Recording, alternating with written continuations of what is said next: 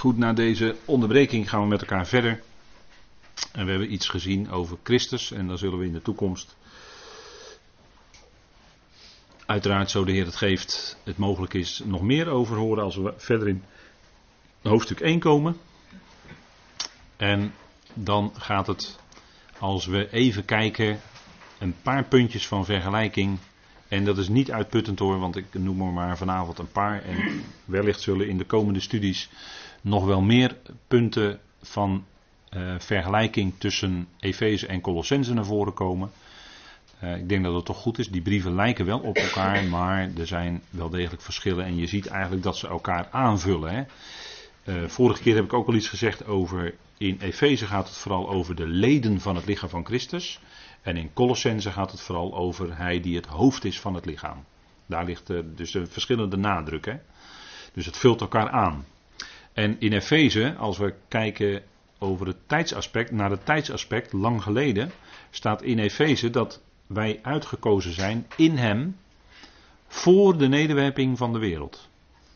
En dan is uitverkiezing helemaal geen probleem, omdat uitkiezen niet te maken heeft met je redding, maar heeft te maken met ingezet worden in een bediening. Voor anderen, uitverkiezing heeft te maken dat je ingezet wordt tot zegen voor de ander. Dat is uitverkiezing. Uitverkiezing is geen doel op zich. Maar het is een, een werk van God. Hij kiest uit. Inderdaad, hij kiest uit. Maar dat is tijdelijk. Hij kiest uit tot het lichaam van Christus. In Christus. En dat is al van voor de nederwerping van de wereld vastgelegd. En die genade is ons al geschonken voor eonische tijden, zegt Paulus zelfs in 2 Timotheus. En dat uitkiezen, dat is met de bedoeling dat die gemeente hem ondersteund, hoe moet je het zeggen, door hem ingezet wordt, te midden van de hemelingen, om die hemelse machten en krachten ook tot verzoening, tot onderschikking te brengen aan God.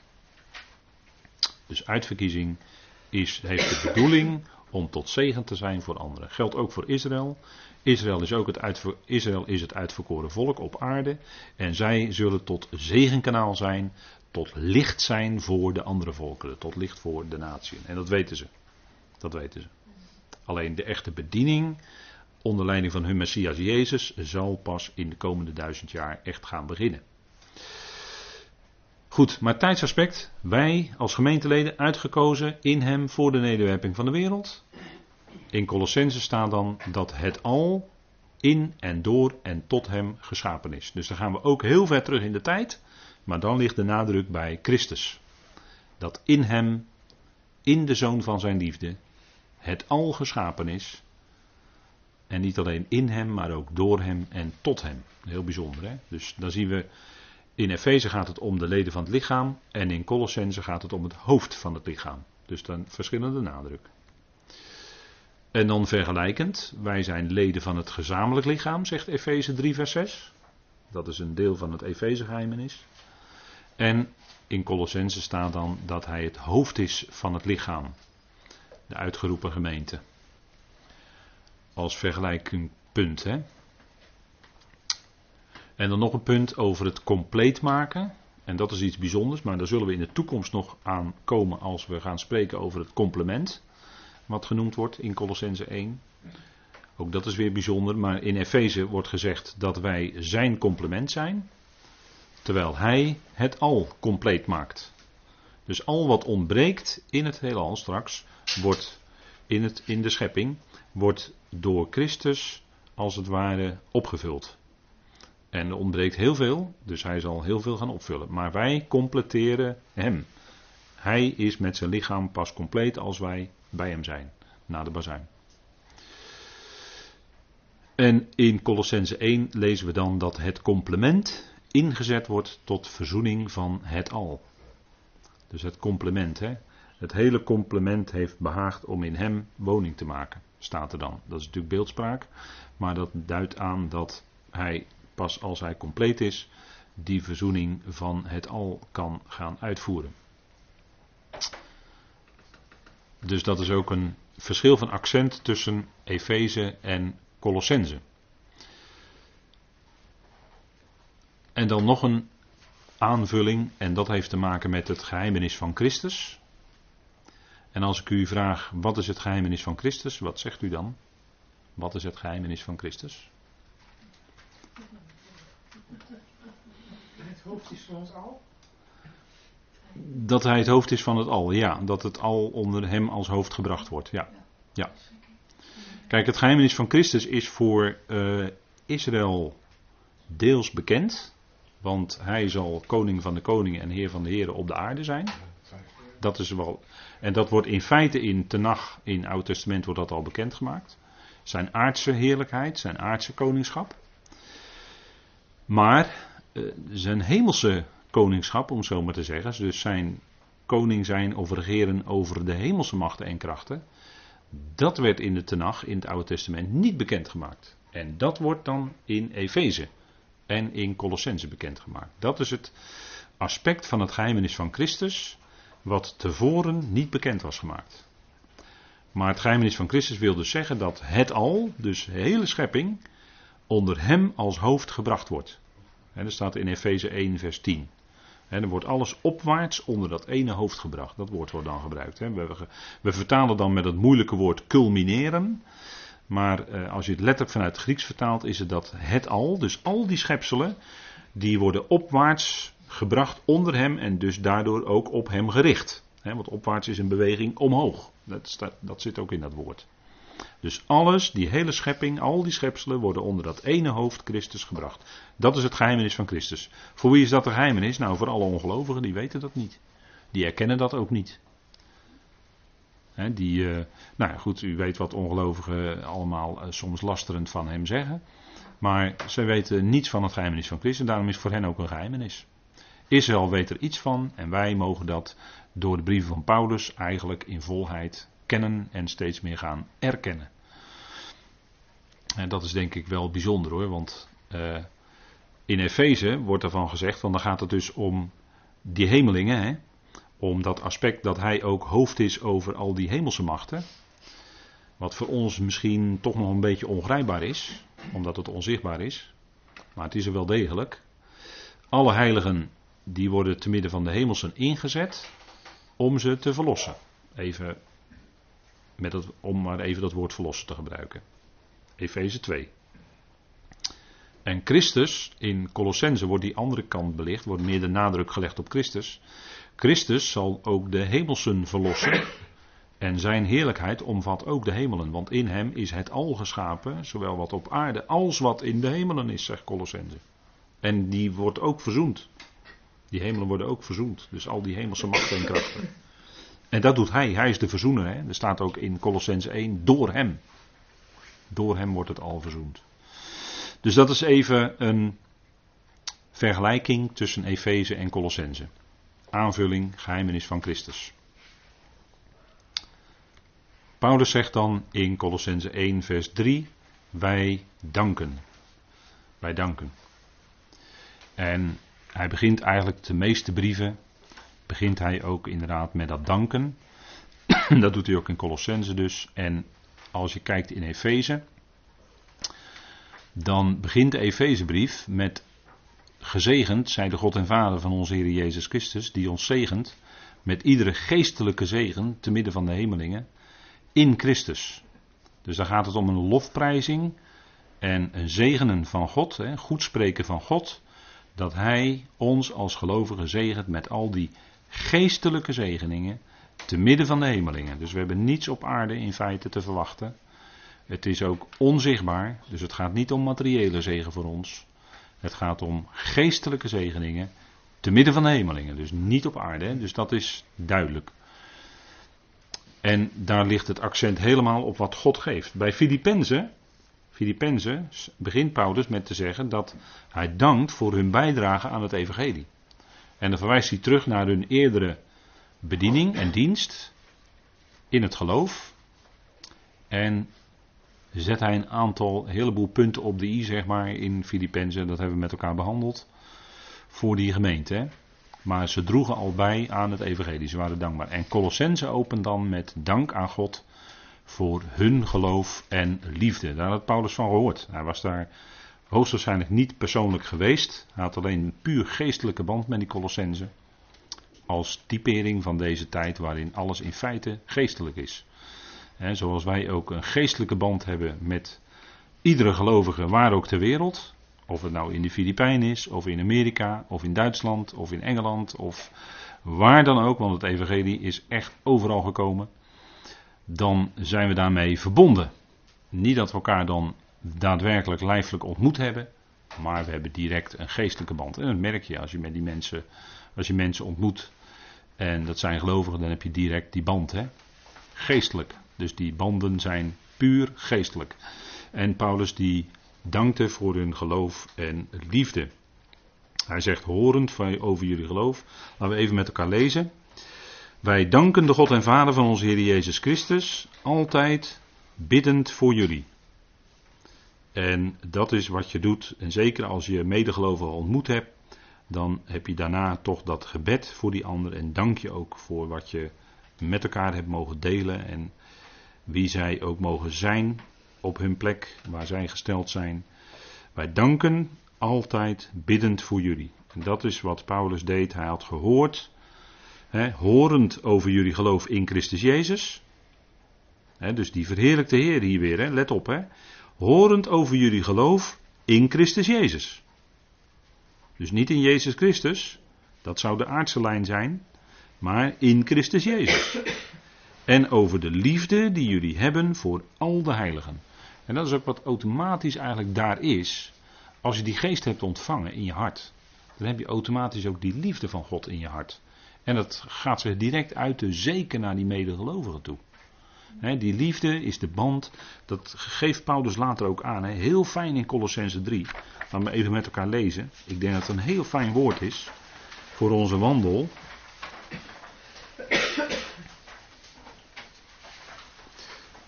In, en dan lees ik met u even vanaf vers 12. En we lezen dat nogmaals, hè. we lezen dat niet als een wet, hè. Maar het is een liefdevolle aanwijzing van de apostel.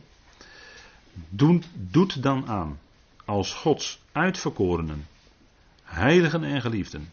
Goeiedag, wat worden wij hoog aangegeven. Hè? Niet alleen de Colossense, maar ook wij, u en ik, zoals we hier zitten. Medelijdend, mededogen. Dat is wat je hart beweegt hè, voor die ander. Mildheid. En zet het maar in contrast tegenover dat andere. Mensen kunnen zo hard tegen elkaar zijn en zo hard over elkaar oordelen. We zouden mild zijn. Mildheid, hè? Ootmoedige gezindheid, daar komt hij weer. Hè? Ik begon er vanavond mee, Efeze 4. Ootmoedige gezindheid. Zachtmoedigheid, geduld. Elkaar verdragend en wederzijds genade schenkend, in geval iemand tegen iemand een klacht heeft. En dat zou zomaar kunnen. Heb je tegen iemand een klacht? Wat is dan de weg? Elkaar wederzijds genade schenken. En dan hoeft die ander niet om vergeving te vragen. Of eerst schuld bij jou te beleiden of wat dan ook. Nee, op voorhand elkaar wederzijds genade schenkend in geval iemand tegen iemand een klacht heeft. Dat is de aangewezen weg van de liefde. En zoals de Heer jullie genade schenkt, en dan komt hij nog een keer, zo ook jullie. En doet, en dan komt het, hè, en doet over dit alles echter de liefde aan, die de band is van de rijpheid. Dus over dat, boven dat alles uit gaat de liefde. En, en dat is eigenlijk die geweldige, weldadige overjas, zou je kunnen zeggen, van de liefde, waarmee je die warmte van zijn liefde, hè, Gods liefde is het. En, en als je elkaar dan ontmoet, dan doe dat warm aan. als je dan medebroeders en zusters ontmoet op afstand, dan, doet het, dan, dan proef je, dan merk je die warmte van die liefde. dat is geweldig als dat merkbaar aanwezig is. Nou, en zoals de Heer jullie genade schenkt, zo ook jullie. De band van de liefde is die van de rijpheid. Hè? Want in de toekomst, als de bazuin geklonken heeft, wat blijft dan? Dan blijft de liefde. Hè? Geloof gaat over in aanschouwen. Onze verwachting wordt dan ingelost. Maar wat blijft, zegt Paulus, is de liefde. En dat is de band van de volkomenheid, de band van de rijpheid. Liefhebben met Gods liefde, dat is die agape, dat is onvoorwaardelijk. Die ander hoeft niet aan jouw voorwaarden te voldoen. Nee, die ander die is ook geroepen in het lichaam van Christus. En dat is de reden waarom je die ander lief hebt met de liefde van God. Maar dat geldt ook voor ongelovigen hoor. dat geldt, die liefde van God gaat naar iedereen uit. En, en we kunnen dan, en dat is het geweldige van die liefde van God. We kunnen dan iedereen lief hebben zonder voorwaarden. En, en als iemand, eh, ik heb vorige keer iets gezegd over als iemand in een samenkomst komt, een zondaar, zeggen we dan, of dan weten we iets over. Ja, die moet vooraan zitten, want die, die zou dat evangelie horen. Genade, liefde van God. Dat heeft diegene nodig. Niet onze veroordeling, kom nou toch. Veroordeling is er al genoeg geweest waarschijnlijk voor zo iemand. Nee, die liefde van God, die onvoorwaardelijk mensen lief heeft. En die dat al bewezen heeft door zijn zoon te geven aan het kruis. God echter bewijst zijn liefde voor ons, dat Christus voor ons stierf toen wij nog zondaren waren. Kijk, dat is het bewijs. Dat is al lang geleverd. En daarom heeft God die zondaar onvoorwaardelijk lief. Wat die zondaar ook op zijn of haar kerfstok heeft. En laten wij dan niet oordelen, want dat komt ons helemaal niet toe. Die ander zou Christus gepredikt krijgen. En niet onze mening. Het gaat om Hem en niet om ons. En dat is het, dat is het punt, die geweldige liefde van God, daar kun je iedereen mee voluit mee liefhebben. En liefhebben betekent zonder voorwaarden. Liefhebben betekent de ander de ruimte geven. Liefhebben betekent geven, enzovoort, enzovoort. Hè. En dat, die ander, en dat doet bij die ander weldadig aan. laat die ander dan veranderen door die warmte van Gods liefde. En, en mogen wij dan dat instrumentje zijn, even misschien soms in Gods hand, wat die liefde kan doorgeven. dat is waar, waarvoor Hij ons ook inzet. En nu in ons dagelijks leven. He. Colossense 3 gaat over onze praktijk, dagelijks leven. Nou, doet over dit alles de liefde aan, de band van de rijpheid. En, en dat is het eh, punt. Hè. Nou, Paulus die dankt omdat hij hoort van hun geloof en dat geloof had in hen ook die liefde gewerkt. Horend over jullie geloof in Christus Jezus. En de liefde die jullie hebben voor al de heiligen. Dus al de heiligen. Ook die heiligen die, ja, inderdaad die ook, maar dat zijn ook heiligen. ook al gedragen ze zich, zegt u misschien niet altijd als zodanig. Maar goed, dat ook daar, dat is niet aan ons hè, uiteindelijk. Dat is God die in een leven werkt en in een proces bezig is. Laten we die ander lief hebben. Lief hebben zo maximaal mogelijk. En tenminste voor die ander bidden. Dat is ook al een behoorlijke, behoorlijk belangrijke vorm van liefde hoor. Dat je voor die ander bidt. Het punt is dat jij dan gaat veranderen ten opzichte van die ander. Niet die ander, maar jij gaat dan veranderen. Dan gaan jouw weerstanden worden dan neergehaald omdat je voor die ander bidt. En dan, kun je, dan krijg je ook ruimte toe naar die ander. En kun je op die ander afstappen. En ontmoeten. En dan wordt het ook echt ontmoeten. En dan wordt het ontspannen in de ontspannenheid van de genade. zo mogen we elkaar ook aanzien in Christus. Dat is ons geheim. He. We hebben een geheim. We zien elkaar aan in Christus. We zien elkaar niet langer aan naar het vlees. Maar in Christus zien we elkaar aan. Iedere medegelovige. Die is net zo in Christus als dat u dat bent. Nou, zo, zo zien we elkaar aan. En daar is Paulus mee bezig in deze brief. De liefde die jullie hebben voor al de heiligen. En dan wordt het ook inderdaad volop danken. Laten we danken voor al die anderen. Wij danken de God en Vader van onze Heer Jezus Christus. Daar kunnen we altijd terecht. Die deur staat altijd open. Tot wie bidden wij? Wij bidden tot God en Vader van onze Heer Jezus Christus. Ongehinderd hij is de middelaar, hij heeft de, vrije de weg vrijgemaakt, maar we, kunnen, we hebben vrije toegang in één geest tot de Vader. We hebben alle vrijmoedigheid door het geloof van Hem. En daarom kunnen we elke dag vrijmoedig naderen tot de God en Vader van onze Heer Jezus Christus. Nou, hoger, hoger is er niet. Dat is alles. Dat omvat ook alles. Hè. Hij is degene die alles doordringt. Colossense spreekt daarover. Over die dankbaarheid. Hè, word dankbaar. Ik geef ze maar even mee. Colossense 3, vers 15. 1 Thessalonicense 5 vers 18 en Efeze 5 vers 20. Ik geef ze u mee. U kunt ze later nog horen als u de studie naluistert en zoekt die teksten op. Hè. Dan spreekt Paulus over dankbaarheid. Dan moet u eens opletten wat hij dan allemaal zegt in verband met die dankbaarheid. Nou, wij danken. Laten we dat ook gaan doen. Tot zover voor vanavond.